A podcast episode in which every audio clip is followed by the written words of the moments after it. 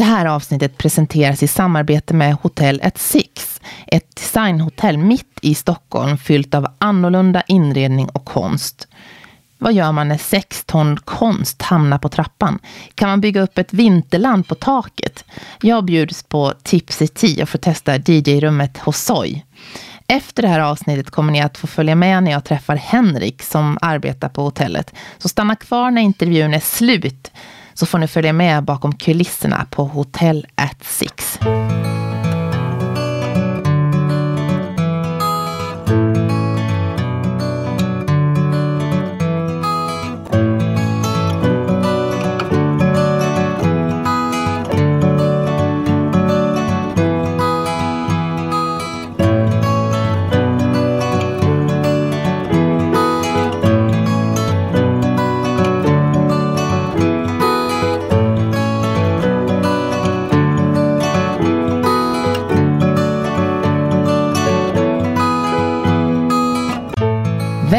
Välkommen till Inredningspodden med mig Johanna Hulander. Varje onsdag kommer ett nytt avsnitt där jag träffar en person som arbetar med inredning, design eller arkitektur. Prenumerera gärna på podden så missar du inga avsnitt och skriv jättegärna ett omdöme så hamnar podden högre upp på listorna. Har du någon önskgäst som du vill höra här eller ett ämne som du vill att jag tar upp? Maila mig på johanna.joelholm.se. Han är antikexpert, auktionsexpert, känd från tv. Ja, listan kan göras mycket lång. I veckans avsnitt berättar han om auktionsvärlden, om saker som fått honom att häpna och tipsar om vad man kan fynda på auktion. Välkommen till inredningspodden Pontus Silverstolpe. Tack så mycket. Du är ju känd för så många olika saker. När jag skulle summera vad du egentligen gör så blev det ju en enorm lista. För du är ju antikexpert, auktionsexpert, grundare av sökmotorn Barnabys, känd från tv, den är ju lite kul. Mm. Föreläsare, vad har jag glömt? Ja, vad har du glömt? Nej, men det jag kanske gör idag en del är också krönikör. Så jag skriver för en del olika magasin. Eh, och har en stående krönika månadsvis. Ah. Så, att, ja, så bland annat i Gods och gårdar och eh, en del andra magasin också. Mm. Hur ser en dag ut i, i ditt liv just nu? Ja, man kan väl säga så här att ingen dag är den andra lik skulle jag säga. Och det är väl det som är charmen med att vara egenföretagare. Eh, och sen blir ju ingenting som man har föreställt sig i alla fall tycker jag. Man kommer till jobbet med en lista som man skulle göra. Sen går man därifrån med samma lista på kvällen tycker jag. Och det har bara sprutat in andra saker. Så att, ja. Ja, men men, men jag, jag, jag, är ju på Barnabys eh, idag. Och det kan ju innebära allt från att, eh, som nu imorgon åker jag då till London och ska stå på scen och prata inför branschen eh, där i England. Och eh, ibland kan vi ta och sälja Barnaby som koncept till, till auktionshus och andra gånger så, ja, det är allt möjligt. Samarbeten med, till exempel häromveckan hade vi en välgörenhetsaktion på Operan där vi auktionsutropare och då var det ju hela det förarbetet med det och så vidare. Så att vi gör allt möjligt. Ja, av alla dina olika uppdrag, vad tycker du är roligast? Ja, men grundare till Barnabys är roligt för det handlar ju om att vi försöker liksom, ska säga, revolutionera, men i alla fall demokratisera en bransch som har varit väldigt analog och väldigt konservativ och också exkluderande. Eh, och den resan är fantastisk att få göra. Sen också att göra den globalt är ju inte mindre roligt. Nej. Att, eh, för det är ju för er som inte har, har koll på det så är det alltså en sökmotortjänst. Ja. kallar man det. Precis, man, man kallar det en aggregator eller en sökmotor då. Där vi är världens ledande sökmotor för design, konst, antikviteter och samlarföremål. Och när jag säger samlarföremål då ska det vara allt från dalahästar till Ferraribilar och Rolex-klockor och så vidare. Ja, så kan man söka, om jag nu har en sån Ferrari i gömd i garaget. Mm. Som jag läste att det faktiskt var någon som hade. Ja. Eller det var inte en Ferrari han hade. Ja, men det var, jag vet inte vilken du tänker på, men det fanns ju en fransk samlare en gång i tiden. Eh, som hamnade lite på obestånd sådär och, och lät samlingen stå. Och sen hittade man den efter ett antal år. Och det var ju, jag kommer inte ihåg, det var 120 olika bilar och sånt där. Eh, och det var ju miljonbilar många av de här som hade kört så här, kända människor då på 50-60-talet. Ah. Och så som arvtagare där, då hade jag ju kunnat skriva in de här olika Ferrari och se vad de hade sålts för innan. Mhm, just det. Det är ju smart. Mm. Så att man kan, eh, antingen kan du ju leta om du är på jakt efter ett matbord hemma. Eh, kanske vill ha ett matbord av Hans Wegner exempelvis, en dansk eh, arkitekt och möbelformgivare. Så skriver man bara in då matbord Hans I. Wegner och sen så kommer ju då träffbilden upp och då förhoppningsvis så får du upp, inte vet jag, 10-20 bord av honom. Eh, men det kan också vara så att du kanske söker på det någonting från, säg att du är uppväxt på någon gård eller en viss stad och du kanske samlar silver från, vi säger Avesta eller liknande. Ja, men då kan du då skriva in Silver Avesta så får upp det, eller den smeden specifikt. Då. Ja, ah, smart alltså. Mm. Hur kom du på det här med att eh, det här med aktioner, det är ju min grej. Var det mm. liksom en så här att det här är ju livet? Nej, men man kan säga jag har vuxit upp med gamla föremål lite runt mig i sådär miljöer hos, hos eh, far och morföräldrar. Och det har liksom fascinerat mig. Jag har alltid tyckt att det var roligt. Eh, jag gick mycket på museer, inte minst med just min farfar faktiskt när jag var liten och även mina föräldrar. Eh, och så, så intresset har liksom funnits där. Och sen får jag väl tillägga att jag tycker om estetik också. Och den kombinationen är ganska bra. Men sen var det ett bananskal. Jag började på Bukowski som, vad ska man kalla det, vaktmästare egentligen. Jag hängde konst och fotade de här föremålen som skulle visas på tv-skärmar på den tiden. Eh, och sen, ja, på den vägen är det så att säga. Jaha. Sen är jag kvar. Så jag var egentligen krogmänniska innan kan jag säga.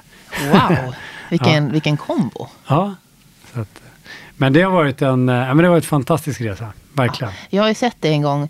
Du, du hade ett sånt där maratonlopp, du skulle värdera saker. Det var allt från A till Ö. Och jag har aldrig sett någon som med sånt brinnande intresse bara kan, kan, eh, att du ens kan uppbåda ett intresse för någonting som jag tyckte var jätteointressant. Mm. Så du måste ju verkligen känna att det här är som ett kall nästan. Ja, ja men eh, så är det nog. Men man, man blir, det, det roliga som finns egentligen, ska jag säga, förutom att eh, liksom driva Barnebys och, och göra det till vår, eller förverkliga vår vision, så är det just att hålla på med föremålen, att ha det i handen och liksom få känna och titta ordentligt. Och eh, jag tror att det där handlar om allt från att det är egentligen besjälade saker vi håller på med. Eh, som allt har en fantastisk historia. Men också det materialet och kvaliteten, att få liksom känna och jobba med det är fantastiskt. Och sen blir det så, man sätter ju saker i sitt sammanhang. Så att det här är min värld, så det är klart att den här världen ska jag kunna så att säga. Ja. Ja, det, det, det var mycket intressant att se tycker jag. Mm. Du, den här sökmotorn som ni har, Barnabys. Mm. Där har ni ju nyligen köpt upp ett nytt internationellt företag såg jag. Mm. Vad, vad, kan du inte berätta om det kort? Jo, alltså vi har faktiskt senast året köpt tre bolag. Två amerikanska och ett engelskt bolag. Och senast nu så var det Value My Stuff heter de. Och det är världens ledande värderingstjänst online. Eh, och det gör vi därför att, att eh, dels vill vi förverkliga vår vision om att liksom ha ett ekosystem för branschen där både du som användare ska kunna göra allt det här du, du önskar så att säga. Säg att din farmor har gått bort och du vill veta vad kostar den här bordspandylen eller framförallt vad är det jag har egentligen här hemma eller den här gamla tavlan på väggen. Vem är konstnären och är den värt någonting eller ska jag hänga den på, på dass på landet? Så att säga. Eh, men också för våra kunder, det vill säga auktionshus och antik och konsthandlare som hela tiden är beroende av föremål att sälja. Och här kan vi, vi märkte ganska tidigt, vi fick väldigt mycket förfrågningar. Vad är det här värt? Och så. Folk trodde att vi var ett auktionshus. Och då tänkte vi att men om vi hjälper dig som användare med den, den funktionen eh, och samtidigt så kan våra kunder så att säga, kapitalisera på det. Så blir det en win-win åt alla håll. Ja, jättesmart. Ja, det, nu har ni ju verkligen täckt upp, ni täcker upp en, en stor marknad nu. Ja, nej, men vi försöker göra det och i vår bransch är det så att allting börjar med det här objektet. Därför det är ju det objektet som står där kanske hemma hos din farmor. Som du sen när du kanske ärver så vill du veta, är det någonting som är värdefullt eller ska jag behålla det eller eh, ska min syster få det eller hur det nu går till. Men det behövs en värdering ofta av det här föremålet. Och det blir på något sätt startskottet för, eh, ja, för hur du kommer in i auktionsbranschen eller hos antikhandel och så vidare. För sen då så ska det här värderas och sen antagligen ska det säljas eller behållas. Och säljs det, då ska det in till auktionshuset och sen ska det visas där, katalogiseras och så vidare och sen säljas. Och så hamnar hos en ny ägare. Ja. Och den ägaren ska så småningom göra samma sak troligtvis.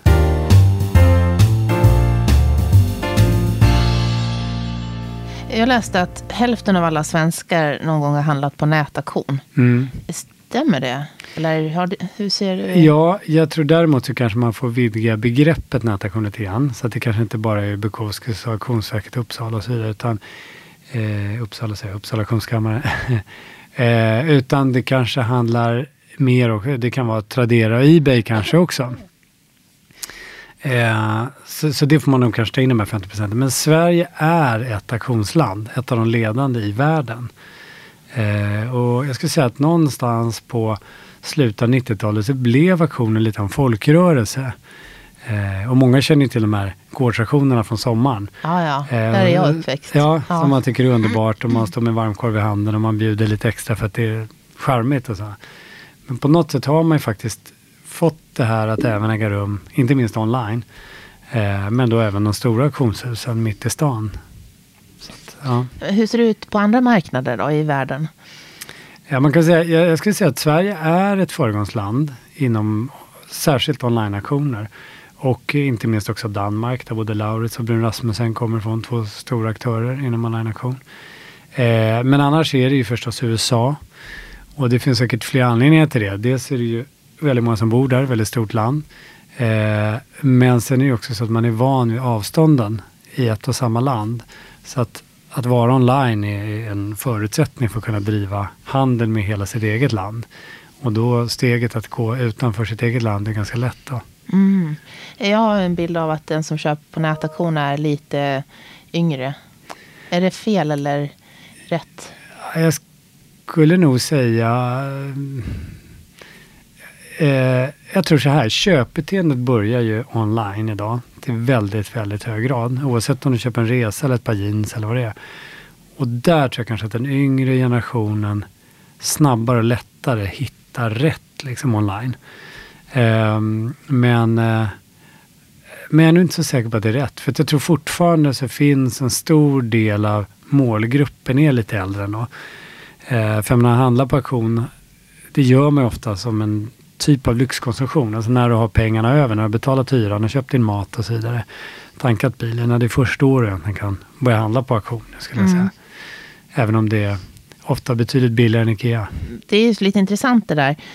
Ehm, just med eh, vår miljömedvetenhet också. Mm. Vi, vi börjar ju ifrågasätta väldigt mycket mer än vi gjorde tidigare. Mm. Om eh, var, var kommer varan ifrån? Vad är det för tillverkningsland och så vidare. Mm. Tror du det kommer påverka den här andrahandsmarknaden? Mm, det tror jag. Jag brukar säga att jag arbetar i världens mest hållbara bransch. Och eh, det står jag verkligen för därför att allting vi säljer eller som säljs genom auktionshusen som listas på Barnebys är ju redan tillverkat. Eh, så det finns ingen produktionstid, ingen produktionskostnad, inga sociala frågor egentligen om vem som har tillverkat det här, även om det kanske borde ha gjorts, eh, så, så, är det för sent i alla fall. Så, att så allting är också hållbart av den anledningen att det är kvalitet. För annars skulle det inte finnas kvar till en andrahandsmarknad. Um, och jag tror att i Sverige särskilt så är man ju väldigt, väldigt miljömedveten. Mm. Och det finns ju många som sätter prestige i det att handla på auktion och bara handla andra hand. Och hos handlare förstås och loppisar och så vidare. Eh, och den marknaden tror jag den kommer öka betydligt. Också när man faktiskt förstår att det är ju mycket, mycket billigare. Särskilt om du ska ha kvalitet. För kvalitet handlar ju om att man har gjort ett det är materi dyra material ofta och det är duktigt konsthantverk. Och det är ju timpengen som ofta kostar. Eh, och tittar man på alla u-länder som nu blir i-länder så kommer ju också timkostnaden gå upp och även det billiga slit och släng kommer ju bli dyrare. Så priserna kommer att öka lite? Jag tycker att de borde göra det. För idag är det så på, på, på andrahandsmarknaden så är ju mycket otroligt billigt. Otroligt prisvärt och många gånger mycket, mycket billigare än de, de här lågpriskedjorna. Okej. Eh, Vilka, vilka marknader ser ni att de här eh, är ju riktiga eh, liksom kommande marknader Mm. som, som vi tror kommer att explodera? Mm. För Barnaby så, så skulle jag ju säga att den, den stora tillväxtmarknaden är onekligen USA. För storleken och att de är eh, som vad ska man säga, digitaliserade redan. Eh, men vi ser också hur de länder vi har sajter i, till exempel Italien och Frankrike och så här, börjar komma ganska starkt nu. Eh, och det där är gjort med dels digitaliseringen generellt i länder, men också det göra med wifi förstås. Alltså att du är uppkopplad hela tiden. Och där, det, är- det är en av anledningarna till att Sverige har så många bra startups digitalt. Det är att vi hade bredband så tidigt. Så att hela Sverige, oavsett om du satt i Norrland, Skåne eller Stockholm eller Gotland, så kunde du kunde du använda eh, internet och börja liksom, eh, bygga tjänster kring det. Ja, annars det, det kan ju vara lite rafflande annars om man sitter på svajigt, svajig lina. Ja, och så ska man precis lägga budet och så tjopp så åker, så Visst. försvinner det. Ja, och det, vi ser det till exempel i England. Eh, där är det ofta så när, i Sverige är det väldigt bra tid på dagen när folk pendlar. Då ser vi många använder Barnabys. Man går in på sin mobil när du står på bussen på väg hem själv. Och så börjar du söka och kanske lägger första budet. Eh, men i England är det snarare så att när du sätter dig på tåget ofta, då är det kört. Så går du ner där i tunneln så har du ingen täckning. Och det gör ju att trafiken fördelas på andra tider på dygnet i mycket större grad. Ja, det är intressant. Mm. Hur ser den asiatiska marknaden ut då? Eh, ja, alltså Asien är en sak, Kina är nästan en sak separat. Kina är väldigt svårt att nå. Där måste man ha rätt personer på insidan för att liksom komma in. Och hela auktionsbranschen har ju länge och väl försökt. Och Sotheby's och Christie's, som är alltså världens största auktionshus, har ju inte riktigt lyckats utan man har fått etablera samarbete med befintliga kinesiska auktionshus och staten har alltid varit inblandad för att man ska få tillåtelse och så vidare. Så många har ju gett upp sina försök. Eh, men eh, vi har en sajt på Hong- i Hongkong, alltså barnebys.hk, som då är på mandarin. Så att kineserna ändå kan nå den om man kliver utanför så att säga, den Jaha. geografiska gränsen. Mhm. Jag tänkte nämligen att du sa, du, jag läste igår att Mm. eh, Kina köper skandinaviska teakmöbler. Mm. Så de, de använder, de har sina mellanhänder Mm. som köper upp härifrån då. Mm. Så absolut, alltså Asien är ju stora köpare på auktion i Sverige. Dels köper man tillbaka sitt porslin ofta som man en gång tillverkar själva. Men till exempel skandinaviska teakmöbler. Eh, tar du Sydkorea så, så är de galna i, i alltså svenskt 50-60-tal, den här mid-century design som det kallas. Men också då Stig Lindberg keramik och liknande. Eh, men sen beror det på vilken tradition av dem och Kina har ju mycket porslinet. Och då uppskattar man ju mycket det här danska och tyska porslinet också från Majsen och eh, Royal, vad heter det, Kunglig Dansk exempelvis. Då. Så musselmalet servisen har gått upp mycket i pris eh, senaste åren. Och det handlar mycket om att det är asiater som köper det. Bland annat kineser men även då japaner, koreaner och så vidare. Hur ser de eh, globala trenderna ut generellt tycker du? Mm. Alltså jag, tycker så här, jag brukar säga att jag brukar kalla det mode och trend och sen kanske stil egentligen. Och mode det är de här tycker jag flyktiga som är säsongsbetonade. Trender jag menar, det kan vara ungefär mellan 5 och 20 år. Och därefter blir det liksom en stil, typ gustavianska stilen som på något sätt alltid populär. Eh, och där tycker jag den här skandinaviska 50-talsdesignen har hamnat. Det har blivit en stil nu. Och den har varit omåttligt populär egentligen sedan millennieskiftet. Eh, och den fortsätter bara att stegra i pris och nå ut globalt. Eh, men sen är det ju alltid så att pendeln svänger. Så plötsligt när man har sett det där för mycket, vilket man ju gör nu väldigt raskt tack vare sociala medier. Där om du är intresserad av dansdesign och söker på det så får ju du ditt Instagramflöde fyllt ganska snabbt. Och efter ett par månader med att bara se det så blir man också lite trött på det kanske. Ja. Så att då gäller det att skilja agnarna från vetet, vilket sker. Så att nu så är det ju ofta de här Eh, arkitektritade unikaten och sånt där som når de riktigt höga priserna medan en del annat har satt sig lite grann i pris. Då. Eh, men för att svara på din fråga så tror jag att den trenden fortsätter men det kommer ju också då, ska vi kalla det, bitrender av det här. Som nu när fransk och skandinavisk design kostar mycket, men då till exempel ett italiensk 50, 60, 70-talsdesign är väldigt prisvärt tycker jag jämfört. Eh, men sen är ju framförallt antikviteter. Det är ju, om man får säga så, sjukligt billigt mycket av det här. Ta en senbarockbyrå, det är magiskt fint hantverk, otrolig kvalitet, material som knappt går att få fram idag. Och en sån byrå kan kosta 10, 12, 15 000 kronor. Och då har någonting som har hållit i 250 år och troligtvis kommer hålla i 250 år till om världen får bestå.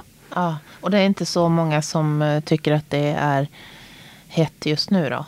Nej, fast samtidigt då om man tänker en miljö att sätta den där som en solitär eller nästan som en skulptur i ett rum så är det ju otroligt fin formgivning och den kan gifta sig med allt från 50-talsdesign till nytillverkat.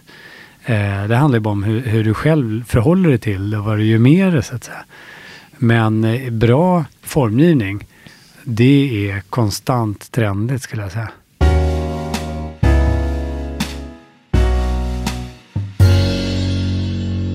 Jag vet att eh, du brukar säga att man ska köpa med hjärtat, investera efter plånbok och njuta av vad man har köpt. Mm. Men om du måste ge, och det, jag vet att det är många frågar dig. Du måste säga en sak som du, ska, som du tycker man ska sälja, köpa och eller avvakta med. Mm. Slänga sig uh, Bra fråga. Nej, men då tycker jag, ja, men ta kanske exemplet med musselmalet. Då en servis som kanske farmor och farfar har samlat och man tycker idag kanske inte är så modern. Det är den där blåa, alltså vita Exakt, med blå. den är vit med lite blå kant sådär. Och den ibland har den genombrutet brätte, det vill säga att det är liksom håligt nästan längst ut på tallrikarna. Så här. Ja, kaffekopparna är alldeles för små. Ja, ja, ja, kan man tycka. I och för sig så om du har en kaffemaskin och dricker espresso så borde det vara lagom. Ja, just det. Mm. Men oavsett, den servisen, just nu går den ganska dyrt. Så en sån skulle jag kunna eh, rekommendera kanske att sälja idag. Eh, sen är det en del av den här designen som också tror jag är ganska dyr just nu som kommer liksom backa lite småningom. Dansk design eller? Ja, precis. En del av det där. Eh, men sen har man också eh, Sen har man ju också det här väldigt säsongsbetonade. Som nu är det höst. Och då är det ju väldigt lämpligt att sälja belysning exempelvis. Saker för sovrum, vardagsrum, när vi själva är inomhus. I vår är det mycket bättre att sälja trädgårdsmöblerna. Det är inte så bra att sälja just nu. Så det är klart att en del, man får följa det där lite grann. Sen kan man också titta på marknader som öppnas upp. Om det är som för några år sedan när Kina då liksom öppnades upp för omvärlden. Ja, då steg ju priserna lavinartat. Det var ju så enorm tillväxt på allt möjligt från små Netskes parfymflaskor, eh, bärtallrikar i ostindiskt porslin, sånt som folk hade du vet, haft stående i skåpen i många år. kunde Jaha. plötsligt kosta hundratusentals kronor. Oj. Så att, eh, men, men då gäller det att se de här globala svängningarna överlag. Liksom. Ja, det är sälja. Säljer du själv någonting då? Hemifrån? Eh, mitt problem är att jag samlar väldigt mycket utan att sälja. Mm -hmm. eh, det där kan ju påverka också eh, hemma vid ja. humöret. Garaget är fullt. Och, ja. Ja, alltså du borde egentligen sälja lite. Jag borde sälja lite. Ja, ja. Mm, då, då har vi en bra lista här vad du ska sälja nu. Ja, precis. Men mm. när det gäller köprekommendationer då? Ja. Som alla frågar dig. Ja. Ja, men jag du får inte säga det du brukar säga. Mm, precis. Nej, men det är svårt att svara på. Men, för jag tycker verkligen man ska...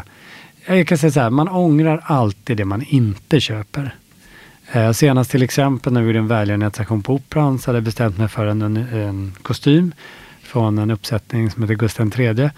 Eh, och den passade mig. Jag är ganska lång, men den passade mig. Så jag tänkte jag, perfekt till någon framtida maskerad eller vad det nu må vara. Eh, och så bjuder jag ändå inte för jag tycker den blir lite för dyr. Och det där ångrar jag. För att en sån kommer ju inte tillbaka en sån chans. Nej. Eh, och skulle jag sy upp den så kostar den kanske, inte vet jag, 20-30 000 kronor att sy upp. Eh, vilket jag inte har råd med så att säga. Så, att, eh, så det, ja, det är en sak jag ångrar, till exempel att jag inte köpte. Eh, men eh, jag tycker det är en svår fråga. Men eh, italiensk design tycker jag är prisvärd om man vill hoppa på designtåget. Mm. Och det är inte sämre kvalitet då? Eller? Ja, det där är faktiskt en bra fråga. För att en del av det italienska har lite sämre kvalitet, skulle jag säga. Eh, så att, men det är helt rätt. Man får titta både på, for, på formgivningen, kvaliteten i formgivning, men också i material då, och hur det är konstruerat. Men det finns mycket som är fantastiskt fint. Alltså udda kostymer får man köpa. ja, precis. och italiensk design. Ja. Ja. Även kostymer, faktiskt vintagekläder är ju också jättebilligt. Ska du ha märkeskläder, eh, särskilt som kille, så ska du absolut köpa det på second hand-marknaden. Eh, du kan ju få en rock som kostar 30 000 ny för 3 000 kronor på vintageauktioner idag. Eller på second hand-handlare eh, runt om i stan. Ja, ah, smart tips. Ja, verkligen. Vad, vad ska man avvakta med då? Eh, ja, vad ska man avvakta med? Äldre måleri. Eh, och du pratar, det kan vara allt från religiösa bilder till kanske de här 1800-tals landskapsmålningarna som egentligen är jättefina och har varit heta från skulle jag säga 1800-talets slut till nästan 1900-talets slut. De är inte värdelösa men nästintill idag tyvärr. Så har du en August Hagborg eller eh, Per Ekström hemma så tycker du om den eller tycker om den lite grann så behåll den skulle jag säga. Hur, hur är det med mina gamla dalaskåp? Jag som har, jag som har några stycken. Ja, eh, underbart. Alltså allmoge är ju underbart tycker jag. Och det är det som är riktigt bra kostar ju väldigt mycket. Och när jag säger riktigt bra då handlar det om hur måleriet ser ut. Mer kanske egentligen än formspråket. Eh, vem som har målat och varifrån exakt det kommer. Eh, så allmoge kan ju kosta många hundratusentals kronor för ett skåp. Men det är också väldigt prisvärt. Och det är ju så unikt för det är så väldigt svenskt också. Eh, medan de här gustavianska möblerna, där har man hittat inspirationen från, från det franska. Och sen förvisso försöker allmogen härma det gustavianska, men man gör det ändå eh, med de målare som fanns på orten och så här. Så att allmoge är, det är ett kulturarv vi ska verkligen vara stolta för. Och det Aha. tycker jag är både prisvärt och det, ja, om du har mycket fina saker, behåll det för din egen tjusnings skull. Alltså köp till och med kanske? Ja, jag ska absolut. Allmoge ska jag köpa. Jag bjuder ofta på det, men jag har inte fått det där praktskåpet än. Men... Hey, min man kommer bli galen när han hör det här. ja, han är trött på grejer. De tar ju sån plats.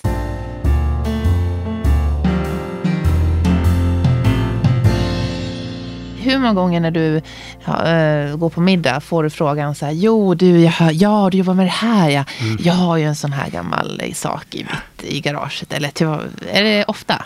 Ja men det är ganska ofta. Framförallt när jag, nu har jag inte gjort tv på länge, men jag gjorde ju det här tv-programmet Antikdeckarna och då kom ju folk fram eh, verkligen alltså på semester utomlands och då är folk rätt ogenerade så. Eh, inte för att det gör något, jag tycker det är bara trevligt, men, men det, den frågan får man väldigt ofta ja. Och många gånger är det omöjligt att svara på för de säger åh jag har det här hemma, men de vet inte vad det är och jag har ju ingen chans att veta vad det är heller utifrån deras beskrivning. Så det, det blir lite ja, svårt att svara på. Men, eh, men, men däremot så kan jag säga när vi letade boende till exempel så var det ju ofta väldigt jobbigt för då ska man ju klämma de här fyra visningarna på en timme eller en och en halv eller vad det är som visas. Och jag börjar ju alltid med att liksom söka av hela hemmen på föremål. Så jag börjar titta på lägenheten och, när timmen är slut. Liksom. Och mäklaren vill gå hem. Så att vi hann ju bara med en åt gången.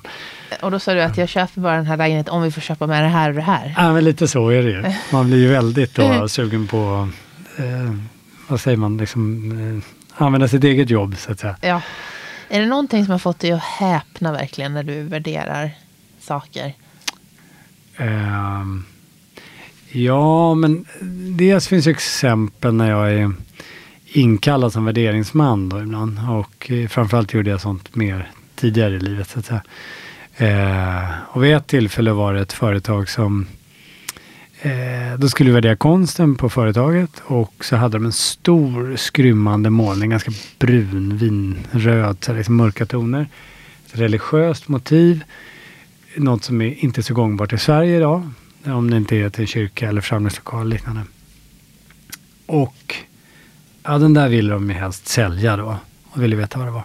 Och jag tänkte instinktivt, ja men det här är 50-60 000 kronor. Eh, och sen så tittade jag på signaturen, kunde inte riktigt utläsa vem det var. Så där började liksom titta på Barnaby sådär. Ah, hittade inget på det jag trodde det var. Men sen säger en vaktmästare där att ja, men på baksidan sitter ett kuvert. Ja, och där stod ju allting då förstås. Och vi tittar och eh, då söker jag göra en sökning på Barnabys på den här konstnärsnamnet, en egyptisk konstnär. Jag får ju upp att okej, okay, här har ju sålts faktiskt till och med i Sverige för 200 000 kronor och utomlands för upp till en miljon kronor.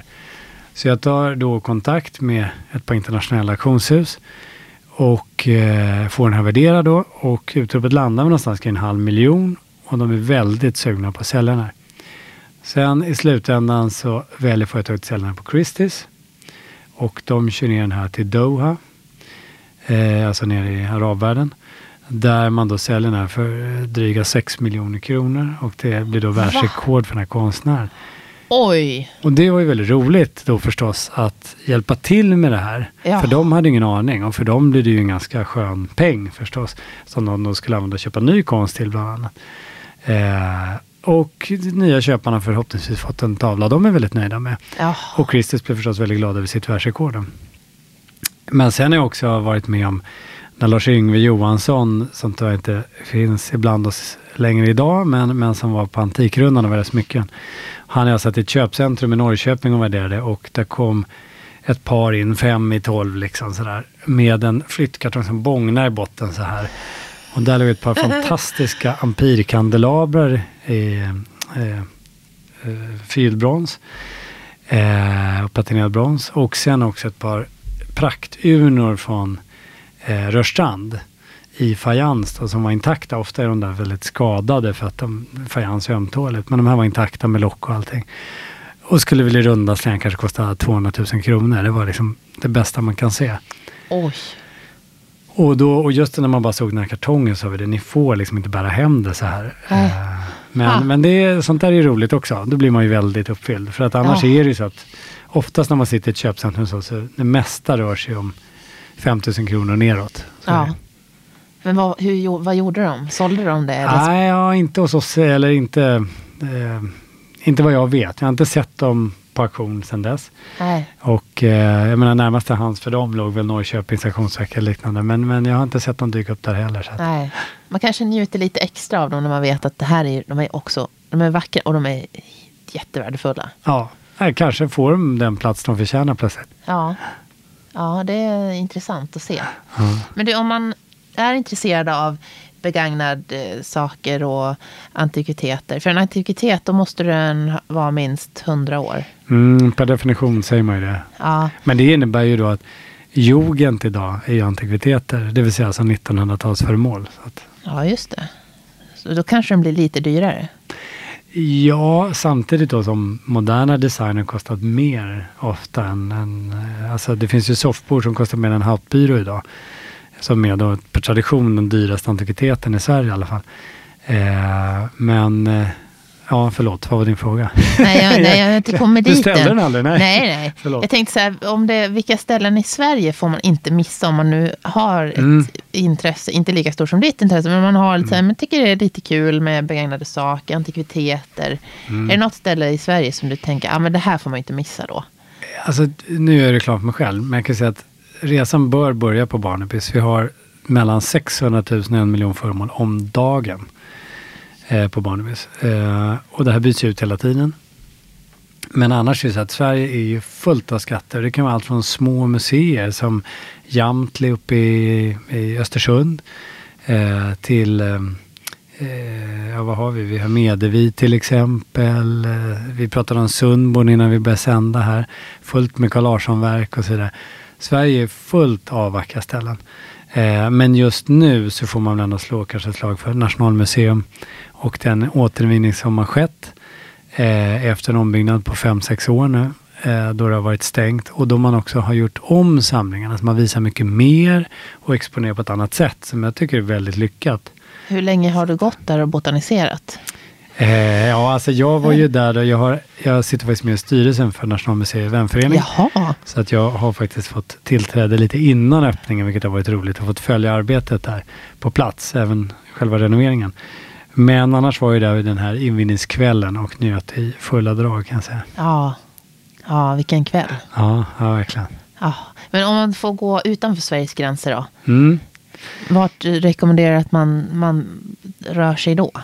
Eh, ja, alltså nu, nu kommer jag, jag har faktiskt varit i New York nyligen och då måste jag säga det att jag är nog ganska mycket europé. Jag tycker att just de här europeiska städerna, Paris och Rom och allt vad som finns, är ju så otroligt vackra tycker jag i sin arkitektur och allt. Men ska man till New York så finns ju där några av världens främsta konstmuseer. Alltså gå på Met till exempel och se de här fantastiska föremålen eller Guggenheim som nu visar Hilma Klint, den svenska konstnärinnan.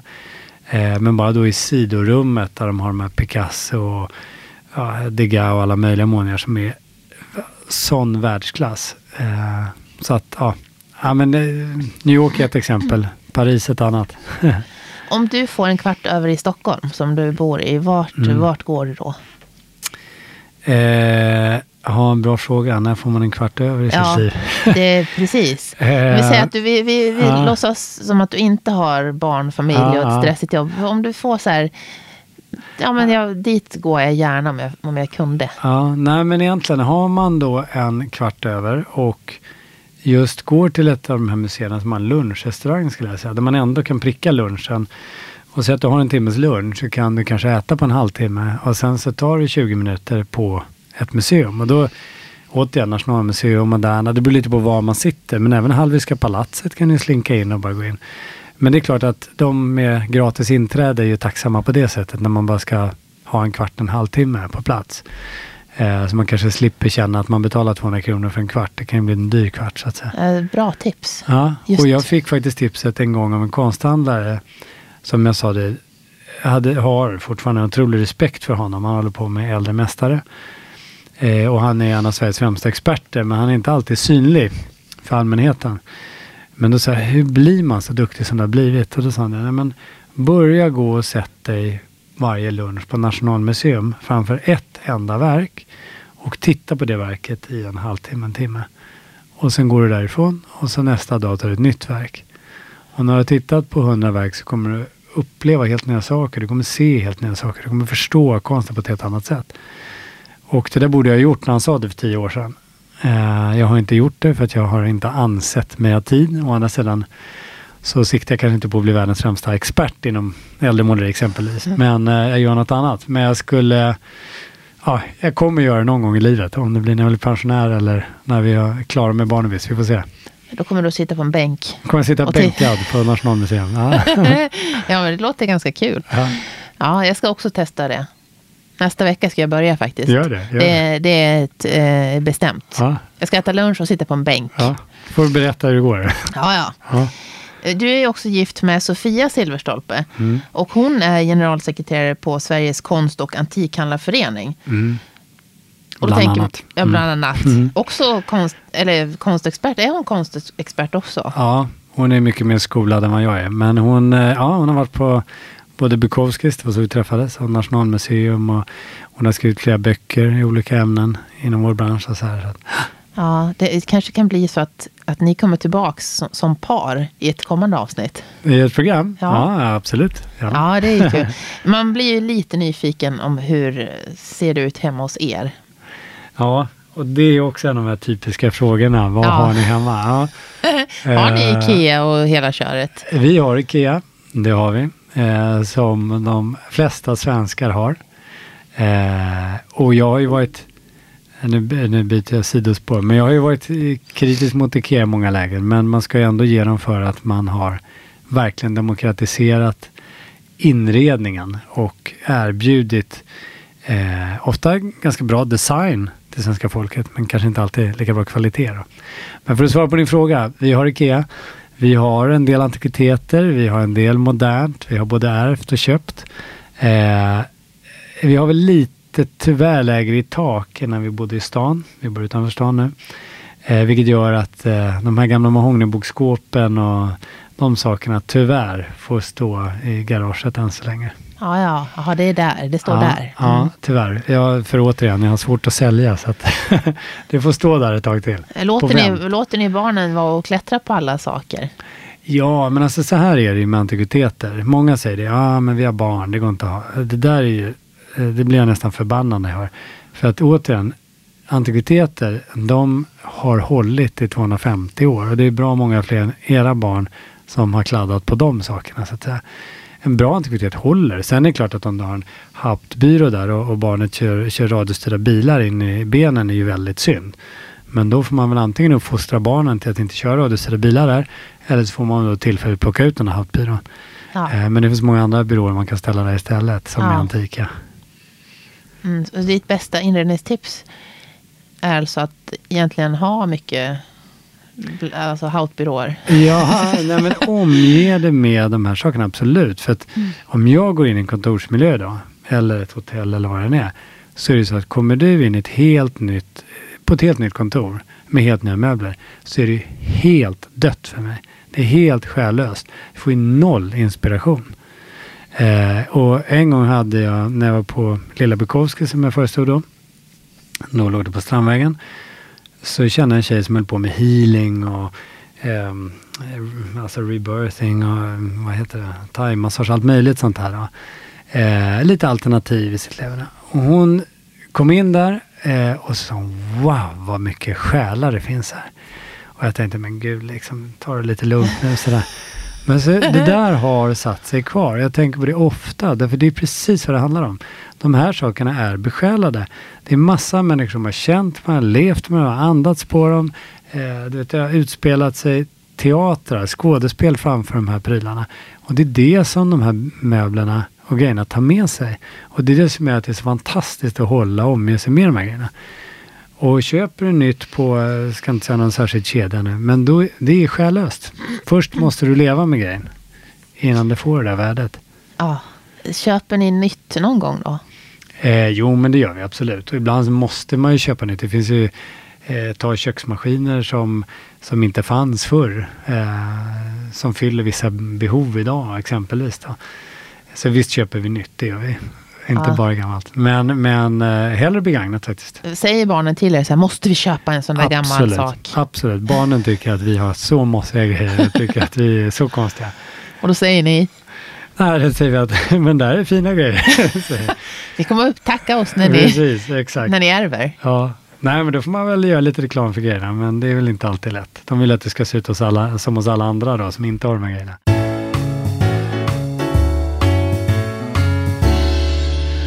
Men du, är det någon gäst som du ser, den där personen tycker jag är intressant, den skulle jag vilja höra mer om i ett kommande avsnitt av Inredningspodden.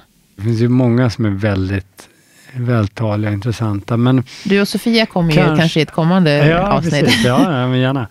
Eh, nej, men jag skulle nog säga en person som jag tycker har gjort väldigt mycket som är kanske inte alltid så offentlig.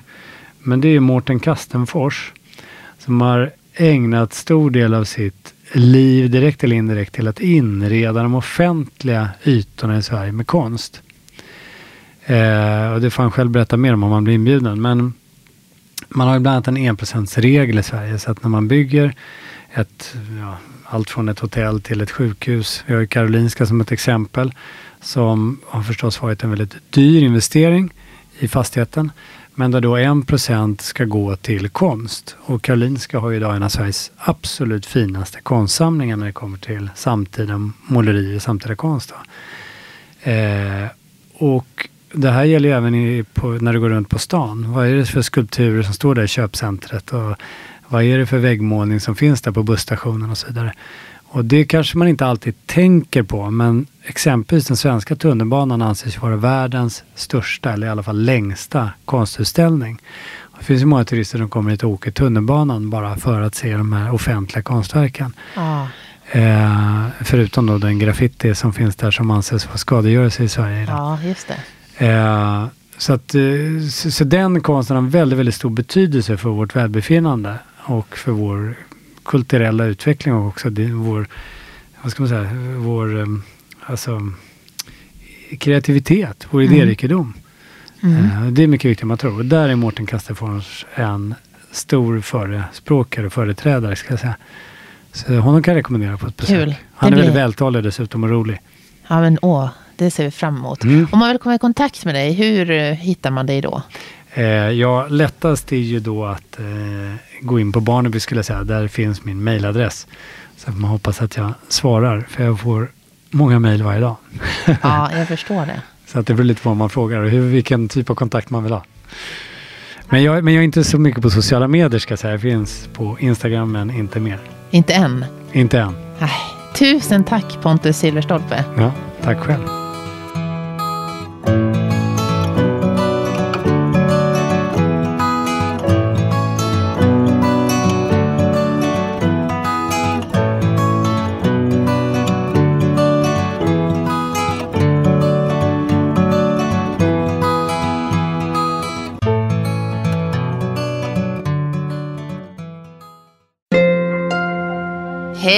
Hejsan Henrik. Hej. Vi sitter här och dricker någonting fantastiskt på Hotell at Six. Det stämmer. Det stämmer. Du har fått en ett försmak av någonting som vi egentligen bara serverar på lördagar.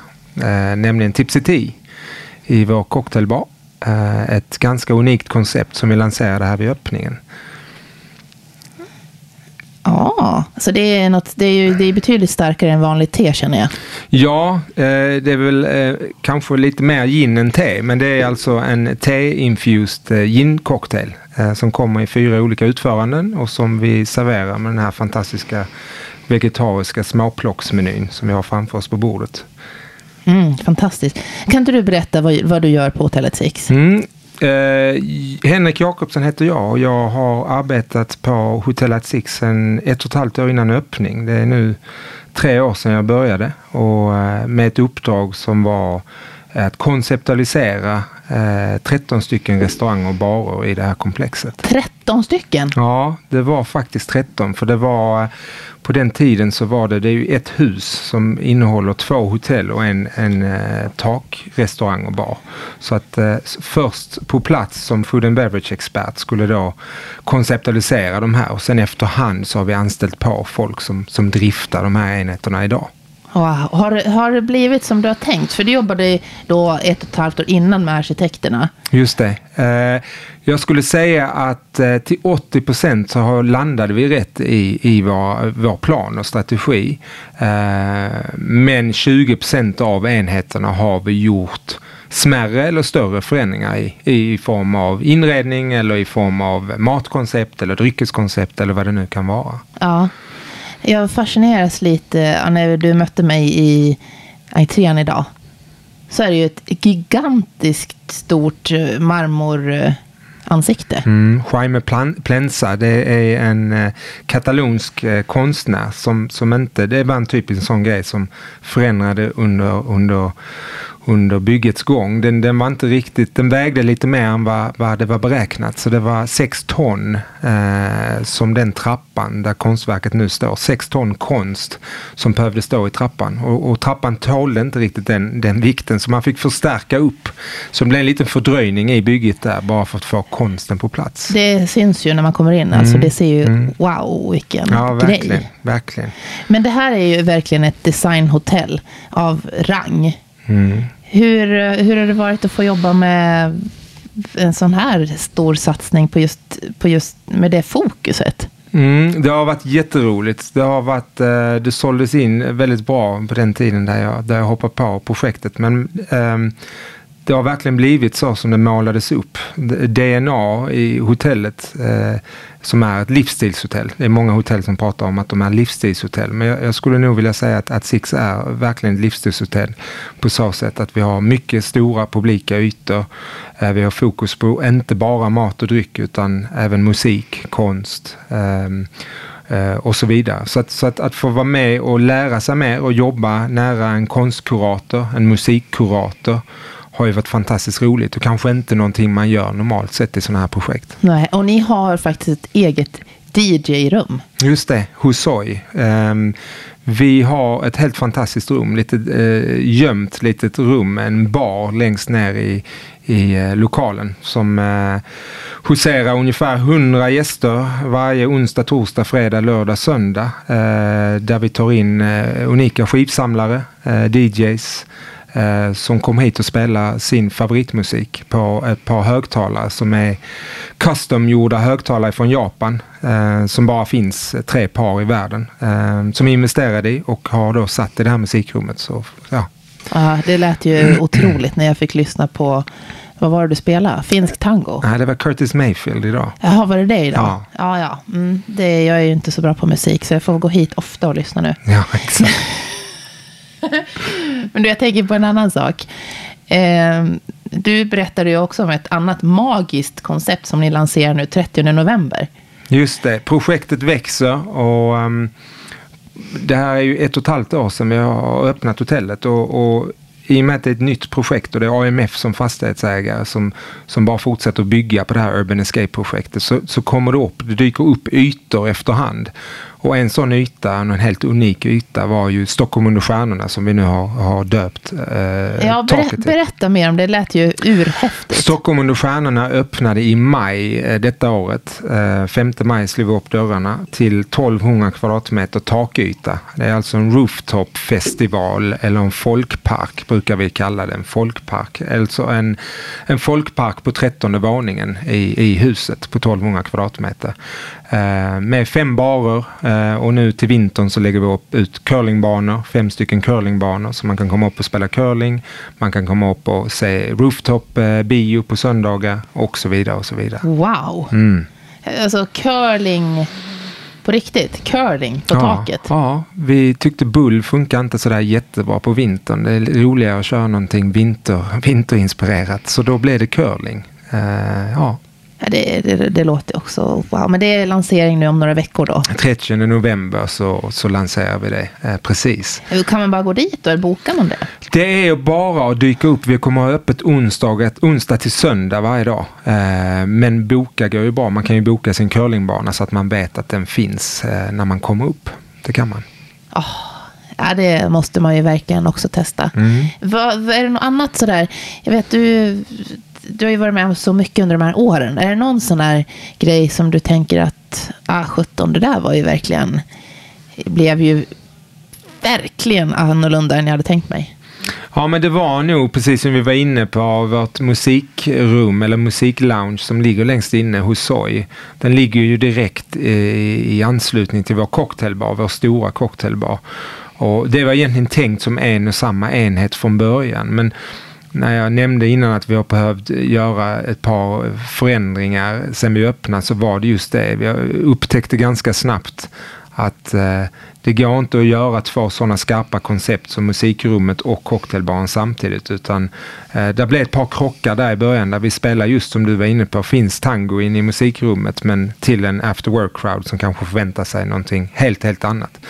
Och på så sätt så behöver man modifiera och i detta fallet då så handlar det om att sätta upp en vägg emellan och skapa två rum istället för ett. Så det är väl sådana modifieringar vi har gjort under, under resans gång. Att se hur flödena på gästerna är, vilken typ av gäst är det som attraheras av det här musikrummet och så vidare. och Så vidare. Så det, det är ju sånt som vi har sysslat med det sista ett och ett halvt året. Ja, när man är med så här långt innan så är det ju, måste man ju bara få fråga. Ni hade ju en målgrupp som ni tänkte skulle komma hit och bo här på det här otroliga designhotellet. Blev det så att det var den målgruppen som kom? Mm, det får jag säga. För hotellets räkning så var det ju, det finns ju en målbild på en viss procent internationella eh, gäster.